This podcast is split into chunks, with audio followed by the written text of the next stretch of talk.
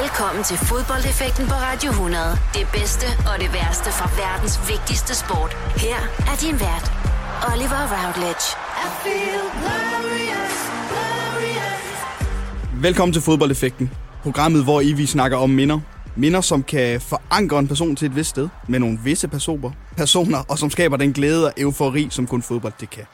Til at snakke om disse minder, så skal jeg til hvert program have besøg af folk, som lever under for fodbold. Det har jeg igen i denne uge. Velkommen til dig, Jonathan Ryging Larsen. Tak for det.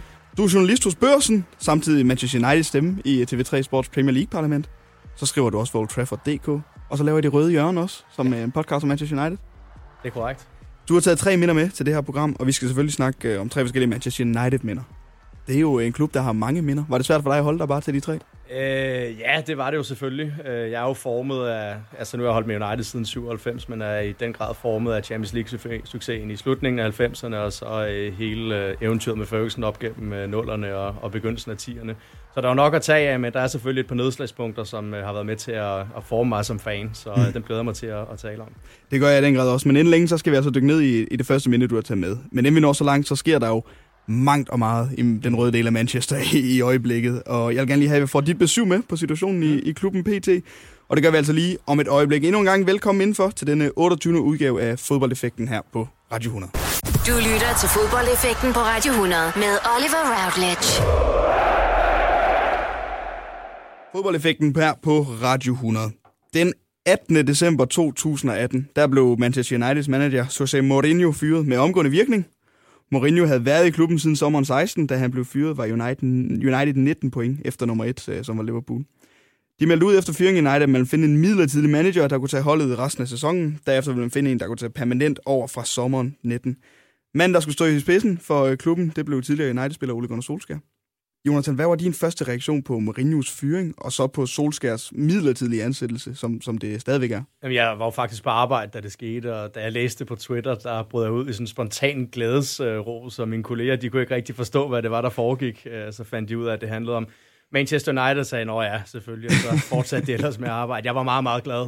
Øh, det er jo nok den værste periode, jeg har haft som Manchester United-fan det sidste halve år under Jose Mourinho, hvor folk har været fuldstændig apatiske og, og ligeglade mig selv inklusive. Der var faktisk en periode, hvor jeg ikke med vilje, med overlæg, men hvor jeg gik glip af to United-kampe, og det var ikke noget, jeg, jeg fortrød på den måde. Øh, jeg var meget, meget glad, øh, ja. fordi vi var simpelthen øh, kørt fast med Mourinho.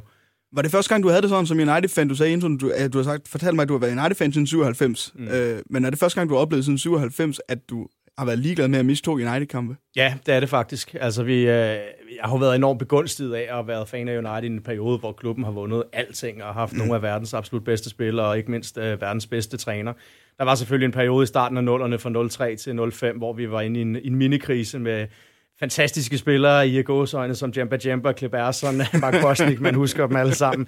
Men det kan jo, der var vi stadigvæk med i toppen, vi var stadigvæk øh, med i Champions League. Øh, det her, der har været efter Ferguson siden 13, og så især med, med Mourinho her, det sidste halve år, det har været, ja. øh, det har været skrækkeligt. Hvad tror, altså var Mourinho en fejltagelse? Synes du, han var det? Nej, overhovedet ikke, og det kan måske lyde underligt, men jeg har stadigvæk stor respekt for Jose Mourinho, og brød mig faktisk uh, ret godt om ham. Mm. Jeg var meget glad for, at han blev ansat i 2016. Jeg var allerede fortaler for, at han skulle have afløst Ferguson direkte i 2013. Uh, det skulle nok bare være sket dengang, fordi han er jo lidt outdated nu.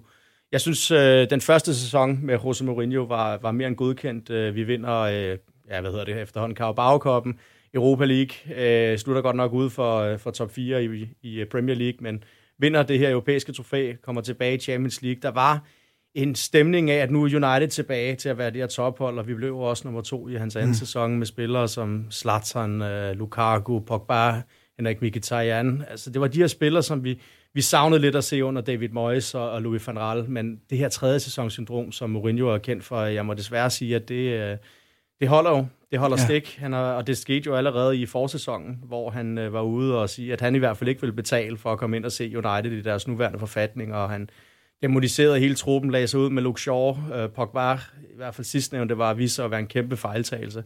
Så der var bare ikke mere tilbage til sidst. Nej. Det og, det, og det er jo en typisk Mourinho-syndrom, det her, som du også siger, det her tredje sæsonsyndrom. Man har set det i, i andre klubber, hvor han, hvor han også har gjort nøjagtigt det samme. Manden, der så kommer ind, Ole Gunnar Solskær, altså øh, starter som, som lyn og torden. Mm. Øh, de fem kampe, der han har, han har stået i spidsen for indtil videre, er, er blevet vundet. Synes du, at det er dejligt, at det er en tidligere United-spiller, der måske kender det fra Fergusons DNA, der kommer ind i, i United igen? Ja, det synes jeg, og tidligere var jeg meget modstander mod, at man hentede en tidligere øh, spiller ind, fordi mm. jeg synes, det var lidt noget fodboldromantisk øh, plader. Men man så det jo med Ryan Giggs på et tidspunkt. Man så det med Ryan Giggs, han fik så kun fire kampe efter de fyrede David Moyes, så der var en, øh, en altså en pludselig effekt. Jeg kan ikke engang huske, hvem det var, de mødte, men de vinder den første kamp, efter David Moyes er blevet fyret 4-0. Mm. Der kom der lidt sådan en, en modreaktion, men kampen efter taber de 0-1 til Sunderland på Old Trafford, en kamp, jeg var over at se. Så der kan man sige, der forsvandt den sådan lidt igen. Øh, efterfølgende var jeg også fortaler for, at der kom en helt ny mand ind og fik ryddet op. Det prøvede vi så både med Louis van Gaal og José Mourinho. De virkede heller ikke. Nu har vi fået Solskjaer tilbage. En tidligere øh, spiller, der nu er blevet manager, som også er formet af, af Sir Alex Ferguson, har haft øh, god succes i Molde, knap så meget i Cardiff. Men det udtryk, han har leveret, ja. efter han er kommet tilbage. Offensiv fodbold. Spillerne, de render rundt og smiler igen. De ligner faktisk nogen, der bekymrer sig om det her, som nyder at spille fodbold.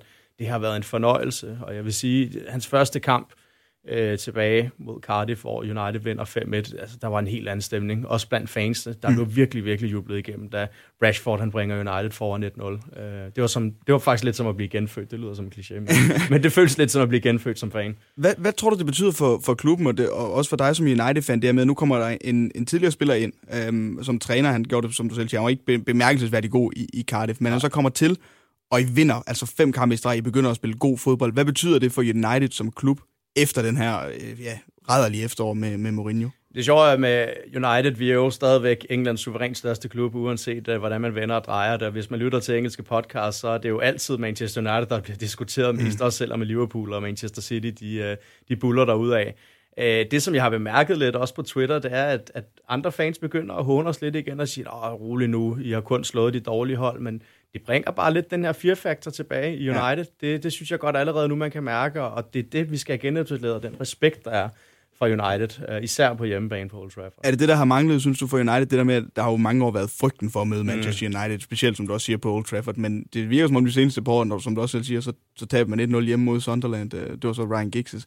Men der har ikke været den samme, det har ikke virket så intimiderende at spille på, på Old Trafford, altså resultaterne har ikke nødvendigvis været med dem der. Er det det, der har, har manglet simpelthen for United? Ja, at, at respekten for dem igen? Bestemt, og det er jo et underliggende problem, ikke? Altså det starter jo helt op med, med ledelsen med, at der tydeligvis ikke har været en, en rød tråd rent sportsligt. Øh, nu har vi haft tre vidt forskellige manager, og fire, hvis det er, man, øh, man tager Giggs med, og fem, hvis man tager Solskjaer med. Mm. Der har tydeligvis ikke været en, øh, ja, en filosofi, der hedder, hvad er det for et udtryk, vi gerne vil have på banen. Og det afføder jo bare, det, eller det smitter af på transferpolitikken. I bund og grund så er der alt for mange spillere, der er rundt i Manchester United siden 2013, som slet og ret ikke er gode nok. Mm. Jeg nævner i flæng uh, Daily Blind, uh, Marcos Rojo, uh, Alexander Büttner, han blev så godt nok hentet af, af Ferguson, men Angel Di Maria, you name it. Man kan bare fortsætte for Radamel Falcao. Ja, og det er jo altså, det her med, at han er blevet hentet helt ind, Ole Gunnar Solskjaer, altså de, de siger, at det er jo en, en midlertidig løsning. Han har selv været ude og sige, selvfølgelig vil han gerne fortsætte det ja. der, det, det er klart. Håber du, at han bliver den nye permanente land, øh, træner for jer, eller vil du gerne have, at der kommer en ny en ind, øh, og i så fald, hvem, hvem, hvem vil du gerne se, øh, det skulle være? Uh, det er et svært spørgsmål. Specielt uh, efter fem sejre, Ja, det er det ikke. Altså, jeg vil sige, det kommer selvfølgelig an på, hvordan resultaterne de flasker sig her resten af sæsonen. Mm. Uh, drømmescenariet er jo, at han får os tilbage i top 4, og vi måske vinder FA-koppen, øh, kommer rigtig, rigtig langt i, øh, i Champions League. Hvis det bliver tilfældet, så øh, vil jeg helt klart mene, at der, jeg fortæller for, at han skal fortsætte. Men det er jo stadigvæk et sats. Altså, han kommer fra Tippeligaen, som er ringer en Superligaen. han floppede fælt i Cardiff, blev fyret efter et halvt år, da han var der der. Hvis det er, at, at det, det her udtryk det fortsætter sig, hvis det er tydeligt, at United forbedrer sig, og spillerne også forbedrer sig, så håber jeg, at Solskjaer fortsætter. Men hvis det ikke bliver tilfældet, så øh, er jeg stadigvæk tilhænger af, at de går all in på Pochettino. På Pochettino? Ja. Du vil hellere have ham frem? Øh, ja. Zidane er også ledig på, ja, på trænermarkedet. Jeg tror, Zidane han bliver kørt øh, over i, i England. Især i de engelske medier. Han, okay. han kom jo også, man kan sige, at Real Madrid lavede det samme mm. stunt, hvor de uh, hentede en intern. Han kendte øh, klubben ud og ind. Han overtog altså en ret solid trup. Øh, var fantastisk i Champions League. Vandt, øh, vandt øh, den tre år i træk. Men vandt trods alt kun en af liga, som heller ikke er, er godt nok for Real Madrid. Og det var også en af grundene til, at, at de gik hver til sit. Øh, jeg håber ikke, det bliver Zidane. Hvis jeg nu som fan af engelsk fodbold siger et navn som Eddie Howe for dig. Hmm. Ja, nu skal jeg, fik jeg næsten kaffe galt i halsen. jeg synes, vi har prøvet øh, at få en, en manager, en dygtig manager ganske vel ind for en, en midterklub i England. Det gik ikke særlig godt i form af David Moyes. Ej, så jeg, jeg håber ikke, det bliver Eddie Howe. Jeg har lige et par... Øh, jeg har været inde og kigge på din Twitter-konto, Jonathan. Øh, fra, fra, fra en tid i efteråret, hvor, hvor jeg, jeg, jeg føler, at du er frustreret. Den 22. september skriver du, jeg giver op. Jeg ved simpelthen ikke, hvad der skal til med Uniteds nuværende setup, ledelsen, trænermæssigt for at vinde skuden. Og så skriver du den 16. december, De Gea er igen den eneste United-spiller, der kan være sig selv bekendt. Aldrig har der rent så mange middelmådige og overbetalte bæver rundt i den røde trøje.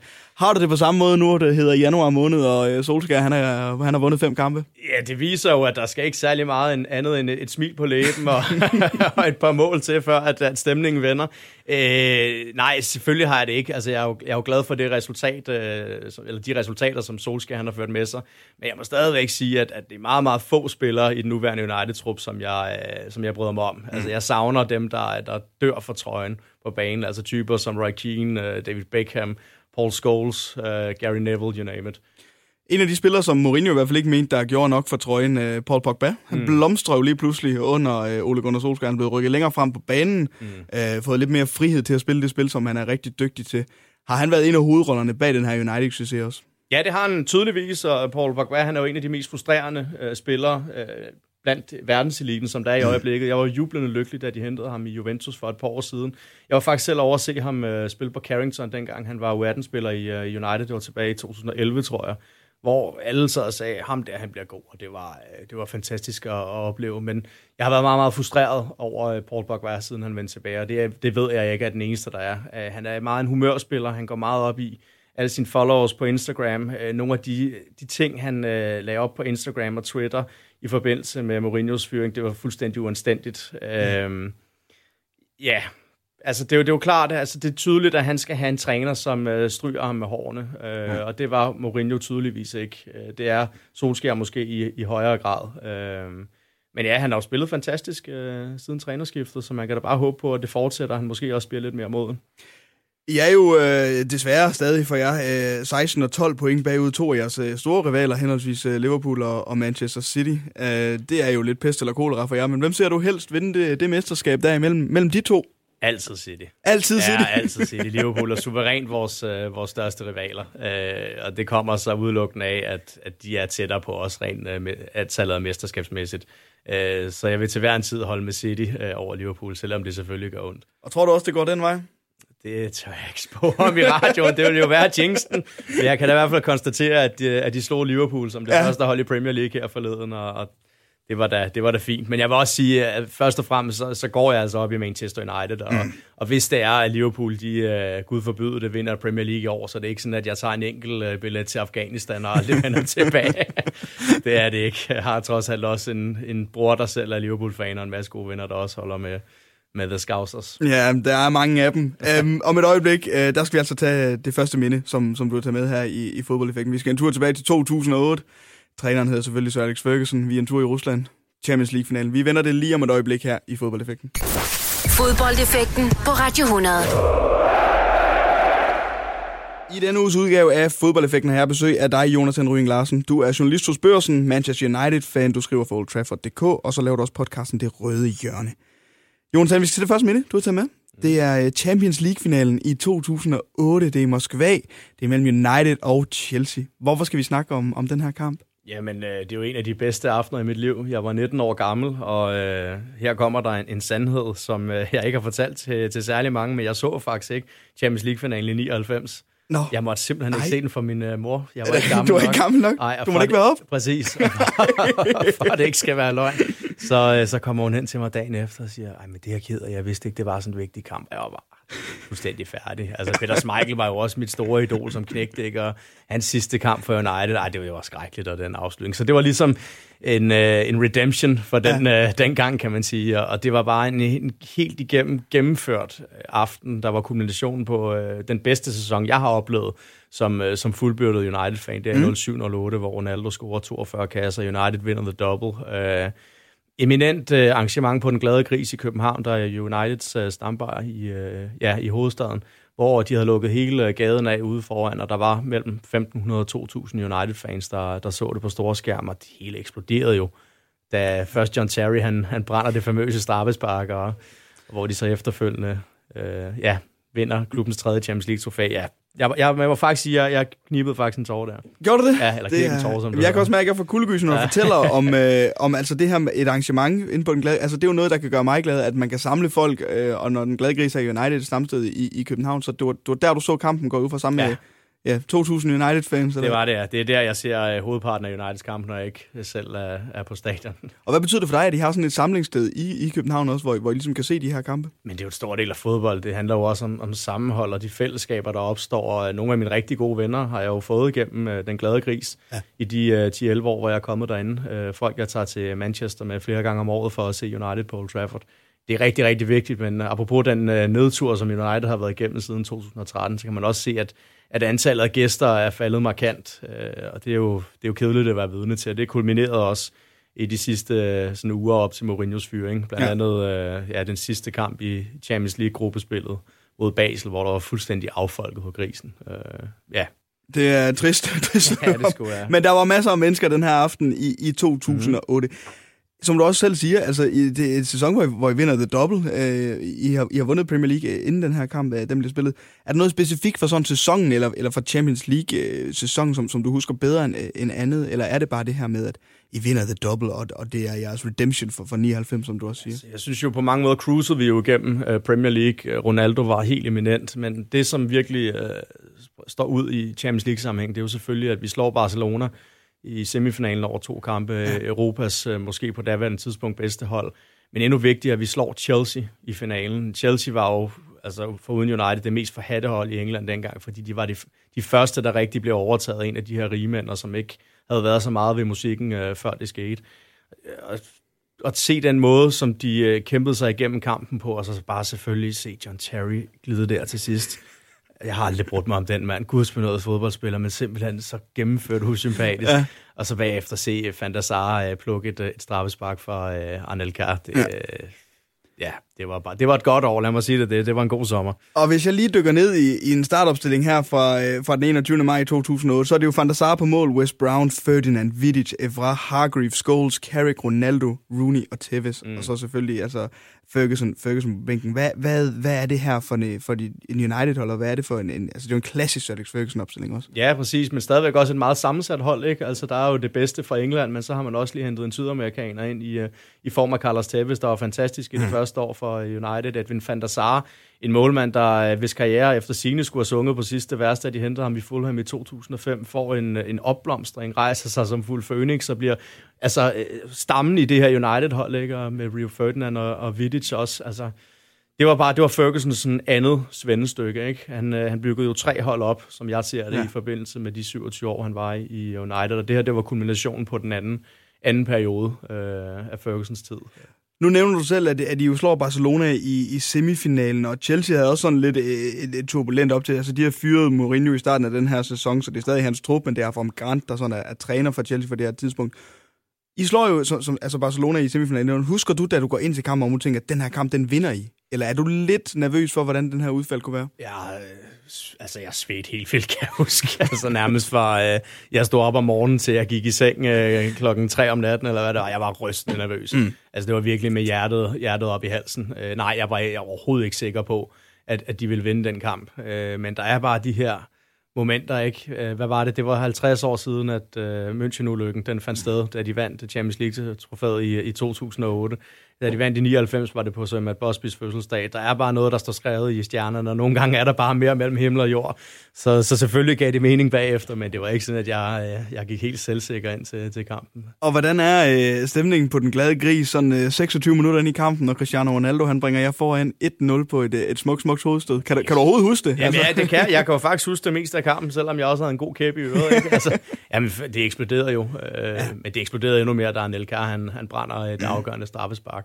Det var bare fedt at, at opleve det her øh, sammenhold, ikke? og der var så mange øh, tusind mennesker, der kunne øh, glæde sig over noget sammen. Det skal siges, året efter, da United spiller Champions League-final mod øh, Barcelona, der blev det rykket ind på vores plads, og der var både Barcelona og øh, United-fans, så det var, det var en forkert beslutning. Ja. Uh, der var øretæver i luften. Ja, det kunne man forestille sig. Så det var, ja, det var, det var bare en, en virkelig, virkelig god aften. Men hvordan synes du, kampen udspillede sig sådan, øh, altså hvis vi skal se helt fodboldmæssigt på det, I kommer foran 1-0, som jeg får sagt med, med Cristiano Ronaldo, så kommer Lampard lige og, og sætter et lille kæppe i hjulet, øhm, og så går den i strafsparkskonkurrence. Hvordan synes du, kampen blev spillet og, og udspillet sig fra en, et United-synspunkt? Det er en af de her klassiske kampe, hvor øh, man skulle øh, give sig 100% for at overhovedet have en chance for at gå sejr ud af det. Der var også øh, nogle hårde nærkampe. Jeg kan huske, Drogba bliver jo smidt ud til sidst, efter han har slået ud efter Nemanja Vidic, så vidt jeg mhm. husker. Men det er jo bare, det er noget af det, der kendetegner Manchester United, det er, at man kæmper til det allersidste. Selv når det, der, det er aller sortest ud, så rejser man sig igen fra asken. Og det gjorde det jo, da Terry han havde mulighed for at, at score det her. Og så er der selvfølgelig også en, den berømte lille portion held, som man skal til. Og der havde vi så en, en stolpe, der, ja, der ikke mente, at Terry han skulle have sit første Champions League-trofæ der. Og det ender jo altså, i, i straffesparkskonkurrence øh, starter okay for, for, for begge hold, og så Ronaldo brænder lige mm. pludselig. Altså, hvad tænker du, da han brænder det der straffespark, og så, som du selv siger, at uh, Terry, han, han kan? Det kan godt være, at det er noget, jeg bilder mig ind, men jeg kan faktisk huske, at vi var mange, der stod der, da han gik op til det, og så sagde vi til hinanden, det, det, det kunne lige passe. Det kunne lige passe, at det er ham, der skulle brænde nu efter den fantastiske sæson, han har haft, ja. efter han har uh, bragt United foran. Og så siger han, at selvfølgelig gør han det. Mm. Men så er der bare så mange andre spillere, der kan træde i karakter. Anderson og øh, Luis Nani, deres første sæson med United, der bliver de også sat til at sparke straffespark. Nogle unge purke, der bare... Og så kan man også sige omvendt, selvfølgelig scorer de. Øh, så ja, det, ja. Var, det, var, det stod ligesom skrevet i stjernerne der, ikke? Og så, altså, som du, og så bliver det jo Ryan Giggs, der, der, der får det afgørende, altså i hvert fald det sidste spark for, for Manchester United. Er det også systematisk for Alex Ferguson lige pludselig? Altså det er jo selvfølgelig måske ikke planlagt, de første fem er planlagt, men at det er Ryan Giggs, som siger, der står nogle gange bare skrevet i stjernerne som for United, at der er nogle specielle spillere, der skal score på nogle specielle tidspunkter. Det er det jo, og det var også den her øh, fantastiske sammenblanding af unge spillere og øh, ældre rutinerede spillere på det her hold, mm. som jo også bare kendetegner Manchester United. Øh, på mange måder var det meget symptomatisk for, hvad det er for en klub, United er. Og Ronaldo i den her sæson, du nævner selv, han har været fuldstændig fantastisk. Hvad betød han for, altså hvis vi kan gå helt tilbage til at sige, at Alex Ferguson finder ham, og han ligesom mm. begynder at komme op igennem Uniteds øh, trup og, og bryder ind på førsteholdet og så videre. Men, men hvad betød han for United den her sæson, og hvor god en fodboldspiller var han også han var, gang? Han var jo verdens bedste, og det blev han også kåret til. Den første Ballon d'Or, han vandt, det var, øh, det var efter den sæson. Men allerede året forinden var han jo den primære grund til, at United de øh, genvandt titlen for Chelsea. Altså højst overraskende efter de her tre poker år, som vi taler om, de havde fra 3 til 5. Mm. Så vinder de jo faktisk Premier League igen i 2006, for at ellers suverænt Chelsea-hold, der har vundet det to sæsoner i træk under Mourinho. Og det var jo øh, blandt andet fordi, at han virkelig trådte i karakter den sæson, og, og blev den her offensive trussel, sammen med en Rooney, der så også opblomstrede. Men altså, der er ikke nogen tvivl om, at, at Ronaldo han gav United den x-faktor, de havde brug for, for ligesom at dominere engelsk og europæisk fodbold øh, mm. der i, i midt- og slut øh, nullerne. Og 2008-sæsonen med The Double, er det en af de bedste United-sæsoner, du, du kan huske, siden du startede med at være fan? Ja, det er det jo. Jeg begyndte som sagt at holde med United i 97, så selvfølgelig var det fantastisk i 99, men, men jeg var jo ikke så gammel på det tidspunkt. Jeg var 11 år. Øh, så det var meget mere følelsesladet der i, i 2008, øh, hvor man oplevede det her med at, at vinde et, øh, et Champions League-trofæ. Det har helt klart været højdepunktet for mig. Og det her med at vinde et Champions League-trofæ, det er noget unikt over det, ikke? Altså, du, øh, nu er jeg Middlesbrough-fan her, kan, kan, kan kun gisne om det. Vi har tabt en, ja. Øh, en UEFA Cup-final til Sevilla, meget, meget stort på et tidspunkt, men der er en forskel på at være de bedste i England, og så være de bedste i Europa. Ja. Altså, som, som fan må man også sætte ekstra meget pris på, når man vinder Champions League. Helt klart. Altså, det, øh, det er bare en, en fed oplevelse. Det er en fed fornemmelse at kunne kalde sig Champions of Europe. Jeg vil faktisk sige, at til hver en tid vil jeg faktisk hellere blive engelsk mester end øh, en Champions League-mester, fordi det er, det er noget andet, men, men det giver bare, der er jo bare det her fænomen, der også hedder European Nights at Old Trafford, hvor der bare er sådan en, en helt unik stemning. United var jo også det første engelske hold til at spille, øh, spille i Europa. Mm. Øh, så der er bare en, en historisk linje, der går hele vejen tilbage til Matt Busby og så op til i dag. Øh, ja, der var en masse unge mænd, der har offret deres liv på grund af det. Ja, om et øjeblik, der skal vi tage videre, og vi skal snakke, snakke mere om, om Ferguson. Det var det første minde, du havde øh, med her i uh, fodboldeffekten, Jonsen, altså Champions League-finalen i øh, uh, 2008. Men vi skal snakke om Alex Ferguson. Den sidste hjemmekamp, han spiller på Old Trafford imod Swansea i 2013. Det gør vi lige om et øjeblik. Fodboldeffekten på Radio 100. De største og de værste øjeblikke i fodboldhistorien. I denne uges udgave af Fodboldeffekten har jeg besøg af Jonathan Rying Larsen, journalist hos Børsen og Manchester United-fan. Du skriver for Old Trafford.dk og laver podcasten Det Røde Hjørne. Jonathan, det andet minde, du har taget med, det er øh, jamen et, et kæmpe minde. Sir Alex Fergusons sidste kamp på Old Trafford mod, øh, mod Swansea. Jeg går ud fra, at det ikke er så meget kampen, vi skal snakke om, men mere, altså, at det er Sir Alex Fergusons sidste kamp på Old Trafford. Ja, det var jo øh, meget følelsesladet. Det var anden, grad, eller anden gang, jeg græd i forbindelse med en United-kamp. Der begyndte jeg faktisk at, at store tude, kan jeg huske, mm. da han gik ud på, på banen. Jeg var ikke den eneste inde på den glade gris, så det var voksne mænd, der, der græd. Det føles lidt som om, at det var en, en bedstefar, man havde mistet. Ja. Øh, selvfølgelig også godt blandet sammen med nogle øh, lidt for mange øl måske, ikke? Øh, men, men det var jo slutningen på en æra. Og det kunne man godt fornemme, allerede da han et par måneder forinden havde meddelt, at, at det her blev hans sidste sæson. Ja. Øh, ja. Og du siger, at det her med, det føles lidt som om, det er en bedstefar, man mister. Det, det synes jeg egentlig er en meget fin måde at sige det på, fordi altså, han har jo altid været der for dig som, som United øh, altså fan siden, siden 97. Altså, det har været ja. den træner, I har haft, I har haft. Altså, en flot tradition der op til Sir Alex Fergusons øh, slut, ikke med, med at have, have den, have den samme træner igennem 27 mm. år. Så han er jo også mister Manchester United på mange områder, Sir Alex Ferguson. Og, altså, det må jo gøre ekstra ondt, da han ligesom træder ind på banen og, og holder den der tale, som han også holder øh, efter kampen, hvor jeg også selv sidder og tænker, hold nu op, det, det er stort det her. Jamen det er jo det, han har jo været et fast holdepunkt for øh, alle United-fans, ligesom ens øh, bedsteforældre øh, i langt de fleste tilfælde er. At, at uanset øh, de op- og nedture, man har haft i livet, så kunne man altid falde tilbage på Manchester United, ja. og så var det meget rart at vide, at det var Ferguson, der sad ude på trænerbænken, og ikke, mm. øh, ikke en ny mand hver tredje år. Øh, ja, så han, han har skulle spillet en stor del af, af eller han har spillet en stor rolle i mit liv, øh, uden at jeg virkelig sådan har været klar over det, før ja. han, han så endelig meddelte, at, øh, at det var det. Stopper jo efter 27 år som, øh, som cheftræner. 13 Premier League-titler, 5 FA Cups, 4 Liga Cups, 10 Community Shields, 2 Champions Leagues, 1 UEFA Super Cup. Altså, hvad har han betydet for klubben, Alex Ferguson? Altså, hvis du prøver, vi, vi kan snakke i uendelighed om det ja, her, selvfølgelig ved jeg, men, men hvis du prøver at gå ned til, hvad, hvad har Alex Ferguson betydet for klubben i de 27 år, han, han var træner? Jeg vil næsten hellere være at tale om, hvad han har betydet for fodbolden. Ja, altså, fordi meget fodbolden, gerne. For mig ser der ingen tvivl om, at han er den bedste manager, der nogensinde har været. Mm. Øh, så kan man snakke nok så meget om øh, Guardiola og, øh, og hvad ved jeg, men, men det her med, at han bliver i en af verdens absolut største klubber i næsten tre årtier, er med til at bygge tre mesterskabsgenerationer op. Det kommer vi aldrig nogensinde til at opleve igen, og det har vi aldrig set før. Øh, så han har været med til at definere den her excellence inden for professionel fodbold, hvad der rent faktisk er til for at blive den bedste, og for at lave de bedste fodboldspillere, lave de bedste øh, hold. Han har, han har spillet en, en rolle, som der aldrig nogensinde er, er nogen, der kommer til at, at gøre igen. Altså, hvis man ser med United-briller, så var de jo lidt den her slummerne kæmpe, da han overtog dem i, i 86. Det var jo øh, høj grad Liverpool, der havde domineret 70'erne og, og 80'erne, efter, øh, efter United havde domineret 50'erne under øh, Sir Matt Busby, og så at de, da de vandt Champions League som det første engelske hold også i 1968. Så det var på mange måder en, en klub i, øh, i voldsom krise, han, øh, han overtog, øh, og han var faktisk ved at blive fyret. Det er der ikke så mange, der kan huske, men øh, fire år øh, nåede han at få, inden de så spillede FA Cup-finalen i 1990, så der var mange, der sagde, at hvis de ikke havde vundet den kamp, så havde han fået sparket. Mm. Øh, men det viste så også, at der heldigvis var en tålmodig bestyrelse dengang, der gav ham tid. Og han fik jo bare United tilbage på det europæiske kort og på verdenskortet. Hvad tror du, det har betydet, det her med, nu siger du, at han var ved at blive fyret også, af en tålmodig bestyrelse. Det her med, at, at trænere, de rent faktisk får tid nogle steder. Altså, det er jo en tendens, man desværre ikke ser overhovedet i, i moderne fodbold, fodbold mere. Øhm, er det forkert, at man ikke giver folk tid længere til at ligesom sætte deres præg på en klub, eller fordi det er så kontant en, en sport? Oh, det, det er et godt spørgsmål. Det kommer også an på, hvilken klub, der er tale om. Pochettino har jo fået, eller får tid i Tottenham, selvom mm. de stadig ikke har vundet nogen trofæer. Men det er blevet sådan en konkurrencepræget verden, hvor det handler om resultater, resultater, resultater, fordi det i sidste ende handler om, om penge. Og mange af de ejere, der er i de forskellige topklubber, de kræver et, et afkast med det samme. Så jeg ved ikke, om man kan sige, at øh, det er forkert ikke at give dem tid. Det kommer an på, hvad det er for en, øh, altså en investeringsstrategi, du har for, øh, for ejernes side. Øh, hvis der du kræver succes med det samme, så er det jo klart, at, at du bliver nødt til at, at øh, få manageren til at præstere. Men man kan jo se på Manchester City, der jo også altså, i deres front office har haft et lidt mere langsigtet perspektiv. De har jo sagt, at vi vil gerne opbygge øh, FC Barcelona i Nordengland.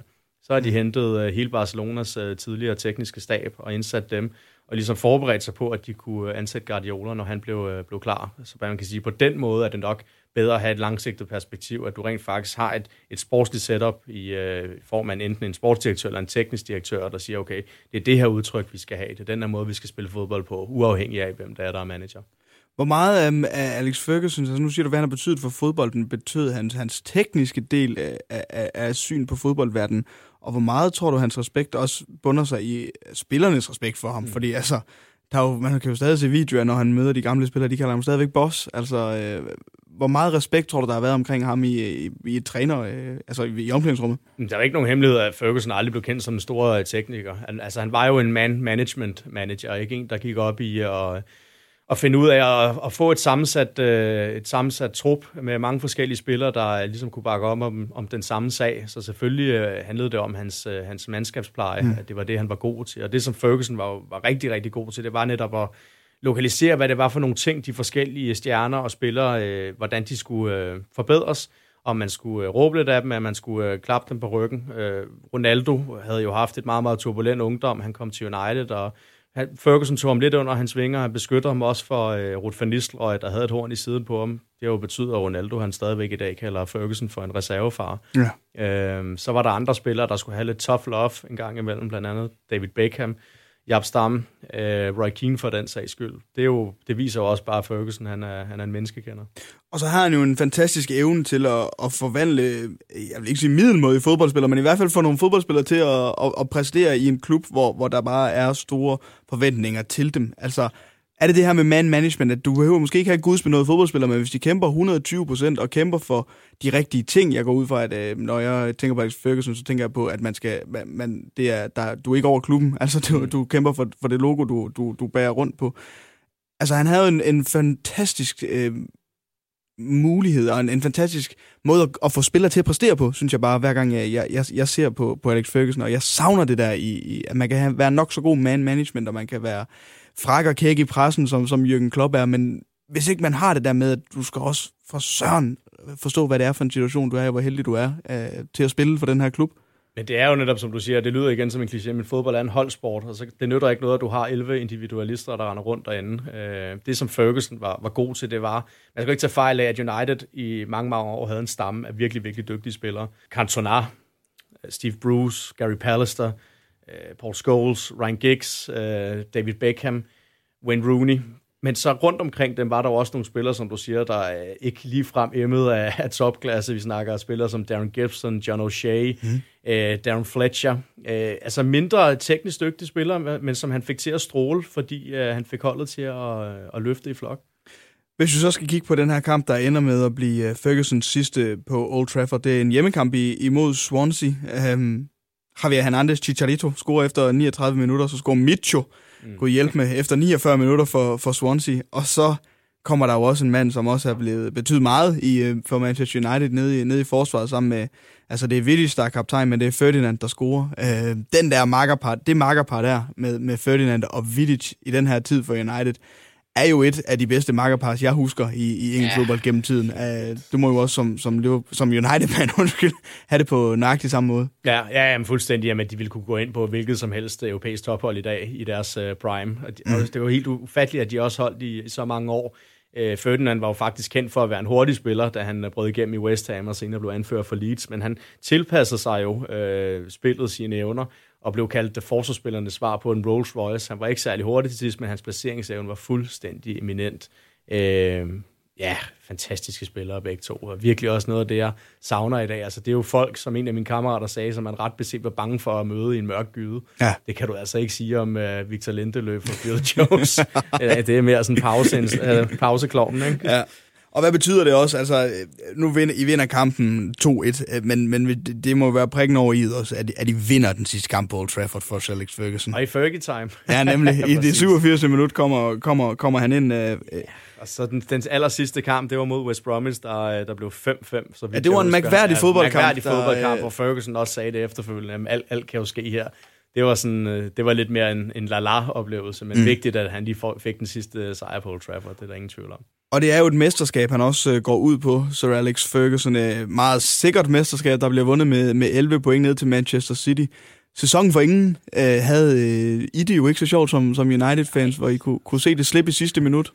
Ja, det var 6 minutters overtid med Aguero! ja, det er jo fantastisk, at uh, Manchester City, der bryster sig af at være en europæisk topklub, de stadigvæk uh, har smurt deres stadion ind i uh, det der plus 6 Øh, det viser, at de stadigvæk har lidt mindre værtskompleks mm. over for United. Ej, øh, det var en, en mærkværdig sæson, og jeg kan faktisk huske den sidste kamp, den sidste runde der, der jeg, jeg gik ud og løb en tur frem for at se kampen. Okay. Øh, det kommer så, at jeg havde voldsomme kærestesover på det tidspunkt. Ja. Jeg, husker, jeg, jeg vidste, at hvis det var jeg så kampen, og United ikke ville blive mester, så ville jeg ikke, hvad jeg havde gjort. Så jeg tog ud og løb en lang tur og kom tilbage og så, at, at City så havde, øh, havde vundet der dybt ind i overtiden. Ja. Og så det gjorde heldigvis ikke så ondt, som hvis det var, jeg havde set det live. Men øh, ja, det var, der var noget andet, der gjorde ondt på det tidspunkt. Ja. Ikke? Men, øh, men ja, der er mange af mine, mine United-venner, der stadigvæk... Øh, ja, grammes, når de, uh, når de taler om det. Ikke? Uh, Men hvad ja. betyder det for Sir Alex Ferguson, han går ud med det her mesterskab? Altså nu snakker vi om, han vinder den sidste kamp på Old Trafford, og så vinder han også over City, som får en anden plads, altså med 11 point. Um, det, er jo, det er jo suverænt at, at gå ud på den her måde. Det er jo også Paul Scholes, hvor han trækker sig første gang i hvert fald for, for fodbold, mm. at de ligesom stopper, som de United-legender, de er med et mesterskab til United. Det er jo igen bare, så er vi tilbage med fortællingen om United, de altid uh, altså, rejser sig fra asken. Mm. Uh, og der er flere spillere, der var ude og sige, at Ferguson han, han talte til spillerne i omklædningsrummet efter øh, kampen mod Sunderland, hvor det står klart, at City de øh, bliver mestre. siger, remember this moment, ja. boys. Og især fordi, at Sunderlands hjemmepublikum, de havde hånet United. Og så tog de jo til Sunderland året efter og slog dem sikkert og, og vandt også mesterskabet. Igen med et hold, som øh, jo ikke havde den største talentmasse. Det var jo mere eller mindre Robin van Persie, der er enhændigt øh, sikret klubben, øh, klubben det mesterskab. Mm. Der snakker vi jo nemlig spillere som Alexander Butner og Tom Cleverly, øh, Darren ja. Gibson, som jo ikke har haft en, en særlig flot karriere efterfølgende. Det, igen, det viser også bare Fergusons uh, genialitet. Det blev det 13. Premier League-mesterskab for Alex Ferguson, altså med 11 point ned til Manchester City. Den sidste kamp, som han spillede på Old Trafford, var imod Swansea. Um, et fantastisk minde og en fantastisk uh, træner, som jo den dag i dag, som jeg også vil være enig med dig i at sige, er den, øh, den bedste fodboldtræner, der, der har været. Om et øjeblik, der skal vi videre til øh, det nyeste og aller dukfriskeste minde, vi har haft med i øh, fodboldeffekten. Vi skal simpelthen bare tilbage til øh, december 2018. Det er øh, Ole Gunnar Solskjærs første kamp som Manchester United-træner. Vi vender det lige om et øjeblik. Fodboldeffekten på Radio 100. Der er altid noget, man husker. I denne uges udgave af Fodboldeffekten er jeg så heldig at besøge af Jonathan Rying Larsen. Du er journalist hos Børsen, samtidig så er du Manchester United stemme i TV3 Sports Premier League Parlament. Så skriver du for Old Trafford.dk og også laver det røde hjørne en Manchester United podcast. Og Jonathan, det tredje minde, du har taget med, det er altså det, det nyeste minde, vi har haft med i Fodboldeffekten nogensinde. Vi skal snakke om Solskjærs første kamp som United manager. Det var jo i december måned, for at være mere specifik, den 22. december.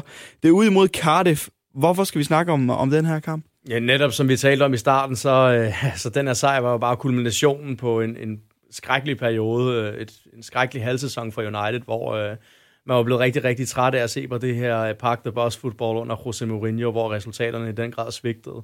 Kampen for enden havde de tabt 3 til Liverpool, og jeg har aldrig været så ligeglad med et, øh, et rivalopgør mod Liverpool, som jeg var der.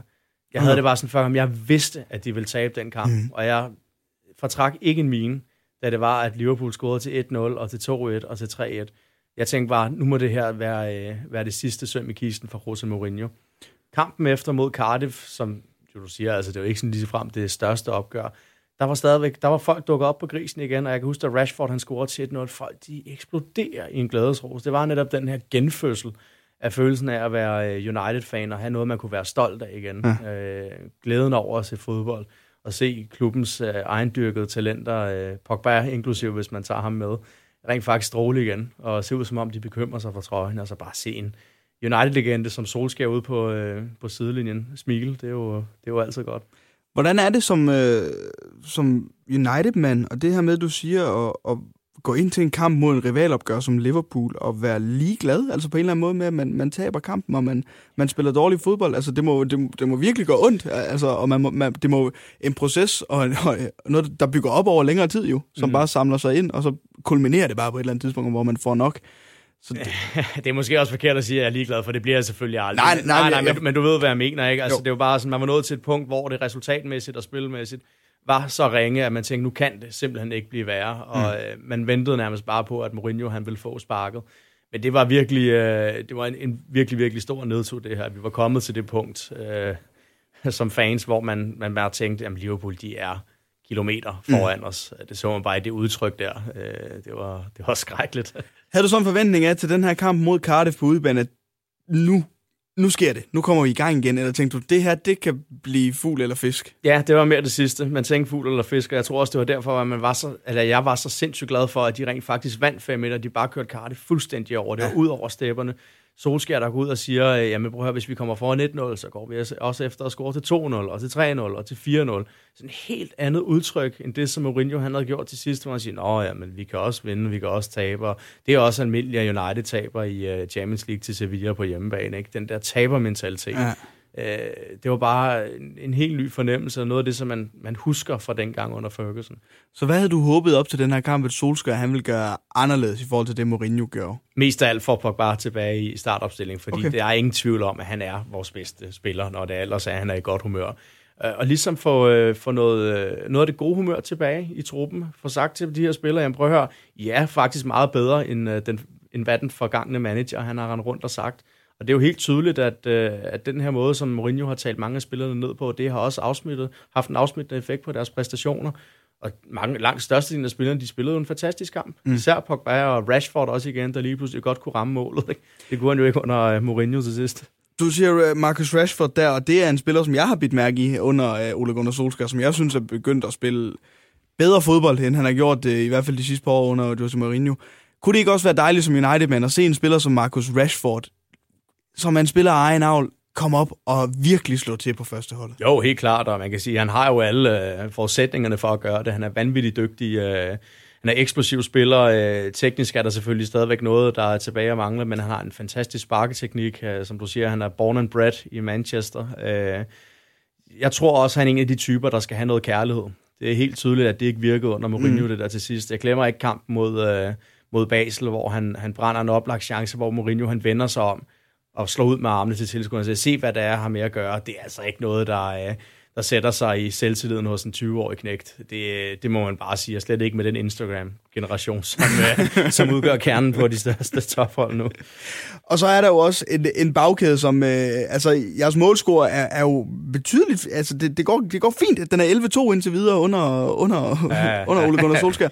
Så en bagkæde, som jeg... Øh, jeg synes, at nu er vi i januar måned, der godt kunne trænge til en, en måske en, en finpudsning her og der. Men det går, jeg synes, en spiller som Victor Lindeløf, som måske har været lidt udskældt, mm. øh, med rette sågar også, men han spiller også udmærket for tiden. Altså, han laver ikke de store, store fejl, og, og han, er, han er det på det rigtige sted mange, mange gange. Ja, han har jo, som du siger, haft en, en opblomstring og har tydeligvis talentet. Der er jo en grund til, hvorfor uh, Mourinho han hentede ham fra, øh, fra Benfica i sin tid. Problemet er, at vi mangler bare de her forsvarsgeneraler, som du også nævnte tidligere. Vidic, Rio Ferdinand, de kloge forsvarsspillere, en Virgil van Dijk, øh, der er i Liverpool, Laporte i, i Manchester City. Folk, der simpelthen har en, en helt grundlæggende forståelse af spillet, altså kan se, hvad det er for nogle mønstre, de her angriber, de, ja, de løber i, og kan formå at positionere sig. Det har vi ikke i United. Marcos Rojo, Chris Smalling, Phil Jones. Ah, det er ikke noget, der batter, vel? Ej, men det, det er jo, der er jo en grund til, at de er blevet en stående joke, både på internettet og, og over i England i særdeleshed, ikke? Det er ikke noget, man ryster i bukserne over som angriber, tænker du? Nej, altså vi snakker Phil Jones, der er mest kendt for alle de memes, der er blevet lavet på internettet, og alle de, prøv, det sjove er, Phil Jones han har scoret fem mål ja. for United i sin karriere. Prøv at gætte, hvor mange selvmål han har scoret. Ja, måske også fem, så. Fem, ja. ja. Chris Smalling, der flere gange er blevet taget billeder af i byen, hvor han er klædt ud som Mr. Jægerbomb eller en selvmordsbomber til en Halloweenfest. Ikke? Det er bare... Det er jo stjernedumt. Er det, altså, ja, nu, nu, nu, nu du nævnt det her med Instagram et par gange, og, og Chris Smalling her, som også er ude og, og promoverer sig lidt på, på, i, på en tur i byen. Det er jo nok mere ufrivilligt, men det ser ja, måske også lidt Ja, men selvfølgelig, men, men, men, men er det også en mentalitet, som der er kommet ind i nogle af United-spillerne på en eller anden måde? At, fordi det er nemt at sidde og sige, at det havde ikke sket under Sir Alex Ferguson, mm. men man, jeg ved bare ikke, om man opfører sig anderledes, hvis man har en større respekt for den mand, som man skal stå til rette for mandag morgen, og som skal lede ind på en træningsbane. Det tror jeg helt, helt bestemt. At man kan sige, de, de uh, disciplinære sager, der var under Alex Ferguson, blandt andet med David Beckham, han røg jo ud i sidste ende, fordi uh, han ifølge Ferguson havde mere travlt med at drive sin uh, modelkarriere, sit undertøjsfirma. Uh, Ryan Giggs har fortalt, at han var ungdomsspiller, der var han ude at feste øh, med Lee Sharp på et tidspunkt til en privatfest, hvor Ferguson simpelthen bankede på døren. Han havde opsøgt dem og sagt, nu kommer I fandme ud. Og så har han sagt til Giggs, taget ham til side og sagt, vil du gerne ende som Lee Sharp, så kan du bare fortsætte på den her måde, ellers så tager du dig sammen. okay. Der var en julefrokost i uh, United i 2010, må det have været, hvor Johnny Evanson efterfølgende blev anklaget for voldtægt. En, uh, det jeg ved ikke, om han blev sigtet, men det, den frafaldt i hvert fald, den, uh, den anklage. Og der var der billeder af Nej, der, jeg mener, at der var billeder af det, men Ferdinand han fortalte efterfølgende, at han havde fået en ordentlig overhaling af Alex Ferguson til mm. den efterfølgende træning, og der var ikke nogen problemer igen med det. Nej, så... Selvfølgelig handler det om, at der var respekt for den mand, og du ikke blamerer dig på den måde. Og, det er, og er det det, du håber, man sådan kan få tilbageført til Manchester United igen? Altså hvis man, hvis man skal se det helt øh, fra helikopterblikket, så mener jeg jo ikke kun, det er træneren, der, der, skal, der, der, der skal skabe det, men det er jo en, en hel ledelsesstil, man kan, man kan gå ind og kigge på, men det kan være en, en lang snak. Men det her med, at man skal have respekt for den mand, der sidder der, og det synes jeg, man kan se i Ole Gunnar Solskjaer. Altså, der er en anden respekt. Jeg tror ikke, det er den samme respekt, som man havde for Alex Ferguson, men man har en, en anerkendelse af ham her. Han har været her før, han ved, hvad den her klub den kan, og han ved, hvad den står for. Og det vil jeg godt skrive under på, og det vil jeg godt respektere, og det vil jeg gerne spille for. Ja, helt klart, og så hvis det er, at, at de træder over grænsen, og de bliver rettesat, så skal de også rette ind efter det, og det gjorde Pogba jo tydeligvis ikke, da han offentligt, mere eller mindre offentligt blev øh, udstillet af Mourinho til en uh, træning efter uh, United var ud til Derby County, hvor han havde uh, lagt en Instagram-post op en halv time efter, efter nederlaget. Det virkede tydeligvis ikke, netop fordi han ikke havde respekt for, uh, for Pogba. Men jeg tror ikke, altså jeg tror, det vil være naivt at regne med, at vi kan gå tilbage til de tider, hvor øh, fodboldspillere som Paul Scholes, de bare stod op om morgenen, spiste deres English breakfast, tog på arbejde, tog hjem. Ikke så meget bullshit. Det kommer ikke til at ske igen, netop fordi vi lever i de her tider med sociale medier, hvor de her unge øh, knægte med masser af penge øh, på bankkontoen, de, de godt, kan vi, kan, godt kan lide at vise deres ja. rigdom. Ikke? Øh, det, det tror jeg bare ikke, vi, øh, vi kan slippe for, desværre. Hvis vi kan kigge på, på kampen, du siger det, man, man går ind til det og tænker, at det kunne blive fugl eller fisk, men så efter tre minutter, så øh, scorer Marcus Rashford jo, øh, som vi også har nævnt her, en, en lokal dreng, ikke? 5-1 ender I med at vinde over Cardiff. Tænker du efter den her kamp, nu United tilbage, og det var et udtryk for United, som jeg virkelig gerne har, eller som jeg virkelig har savnet. Jeg kunne også se på Twitter-reaktionerne efter kampen. Altså, folk var helt op at køre. Jeg var i England, da den her kamp blev spillet. Man kunne se i aviserne dagen efter, at folk de skrev om og skrev om United, at det her, det var det udtryk, som United har manglet i flere år. Mm. Hvad betød det som, som United-mand at se den her præcision, at der blev scoret fem mål, og spillerne smilte, som du også selv har nævnt? Jamen det betød jo øh, netop, som du siger, at der var håb for, at vi faktisk ikke var så ringe, som Mourinho havde, mm. havde i tale sat os uh, til, at, uh, til at være. Uh, og netop også bare skabe et fundament, man kan bygge videre på, og det har jo så heldigvis vist sig, at, at det har været muligt. Nu uh, hedder det fem sejre i træk, ganske vist over nogle på papiret nemme modstandere, men der er ikke nogen nemme modstandere i Premier League. Uh, i dag, lad os være ærlige at sige det. Nu kommer den rigtig store test her mod øh, Spurs på, øh, på søndag. Ja. Øh, så jeg vil sige, hvis det også vinder den, så begynder det jo faktisk at ligne noget. Og nu har vi nævnt uh, Marcus Rashford, en spiller, som jeg synes har, har spillet godt under Ole Gunnar Solskjaer, men vi kan også nævne en mand, der scorer altså to mål i, i den her kamp, også Jesse Lingard. Mm.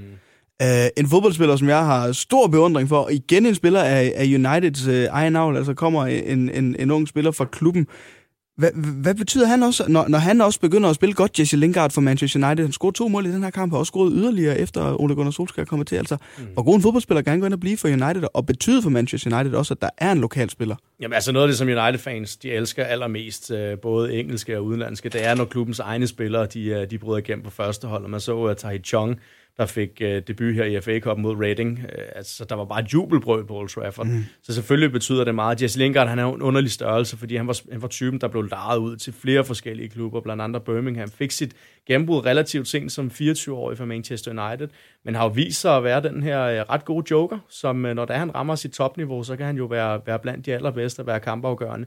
Jeg tror stadig ikke, han bliver en, en spiller. Øh, han har slet ikke det samme talent som for eksempel Marcus Rashford, øh, som du også nævner. Men han kan da helt klart øh, få en, en god karriere for Manchester United, hvis det er, han vel at mærke også øh, sænker skuldrene og arbejder lidt hårdere. Han er jo også typen, der er meget, meget glad for at opdatere sin Instagram-profil. og i, i ugen op til Liverpool-kampen, der lancerede han jo sit egen tøjkollektion, hvor Rashford og Pogba, de var modeller. Øh, det synes ah, okay. jeg også siger lidt om hans øh, kapacitet ja. og situationsfornemmelse. Han lancerer sådan noget fis øh, en uge op til klubbens største kamp i sæsonen, og på et tidspunkt, hvor alt det, det går ned ad bakke. Når jeg kigger på startopstillingen her, så bliver jeg samtidig mærke i, altså en, et Luke Shaw, Ashley Young, øhm, Jesse Lingard, Marcus Rashford, og så også en, en Paul Pogba, altså, som også er opfostret i det engelske fodboldsystem. Mm. Øh, tre af spillerne selv fra, fra United, Sound Luke Shaw og Ashley Young, øh, to englænder, og Phil Jones også for den sags skyld, en anden englænder. Tror du, det betyder noget, at der også er englænder, der ved, altså nu er Manchester United en global stor klub, men også at man ved, hvad, hvad, hvad United betyder i England, og hvor stor en klub det er for engelsk fodbold? Ja, altså det gør det jo helt sikkert, og Ferguson gjorde også en dyd af at have mange af de her øh, britiske spillere på, øh, på holdet, mm. selvom de øh, helt åbenlyst ikke var de mest talentfulde. Og det tror jeg også har været med til at skabe den her kontinuitet under Alex Ferguson, at der var nogen, der ligesom forstod størrelsen af Manchester United, og ikke nødvendigvis havde rendt rundt i Sydamerika eller Sydeuropa og spillet for verdens største klub, eller nogle af verdens største klubber dernede, og så komme til, til Nordengland og finde ud af, at det altså ikke er lige så eksotisk. Jeg mener, var det Alexis Sanchez, da han skiftede fra Arsenal til United, sagde, at det er en drøm, der går i opfyldelse. Jeg har altid været United-fan. Så blev han spurgt ind til, hvem der havde båret nummer syv før ham. Han kunne vist ikke svare på en eneste. Nej. Ja, så det er jo et spil for, for galleriet, så jeg tror helt sikkert, at det er vigtigt det her med, at der stadigvæk mm. er en, en britisk uh, grundstamme uh, i United. Og Solskjaer har altså fået lov til at, at sætte et ordentligt aftryk indtil videre i, i Manchester United. Fem kampe, fem sejre, som vi, som vi nævner. I, er jo, I, kan jo, I kan begynde at dufte top 4 lige pludselig i, i Premier League der. Hvad er for dig, altså hvad, hvad er du tilfreds med som en United-placering i år, hvis man kigger på det efterår, I også har haft? Øh, jamen altså, det vil da helt klart være en, en top 4-placering. Øh, mm. Det vigtigste er, at United de, uh, får kvalificeret sig til, til Champions League næste år. Som jeg også sagde, hvis man kan krydre det med en FA Cup-titel, øh, gerne lave en overraskelse i Champions League, og, og som minimum slå, slå PSG ud, især efter øh, ja, misæren mod Sevilla i sidste sæson, så, så vil det da være noget, hvor man kan sige, gå hen af og sige, okay, det, så er det godkendt, øh, når, du, når man tager den her miserable efterårssæson i betragtning.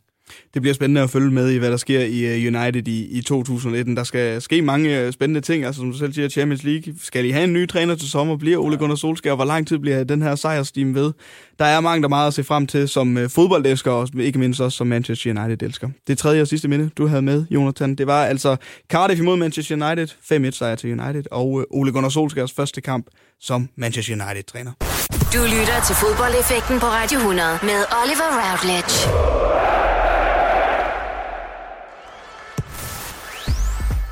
Med de tre minder og en øh, god snak om Manchester Uniteds nuværende situation, så er vi nået til vejs ende, Jonathan. Vi fik snakket om Champions League-finalen i 2008, Sir Alex Fergusons sidste kamp på Old Trafford i 13, og Ole Gunnar Solskjaers første kamp som United-manager i øh, december 2018. Tusind tak for dit besøg og dine fodboldminder. Tak fordi jeg måtte komme. Fodboldeffekten på Radio 100.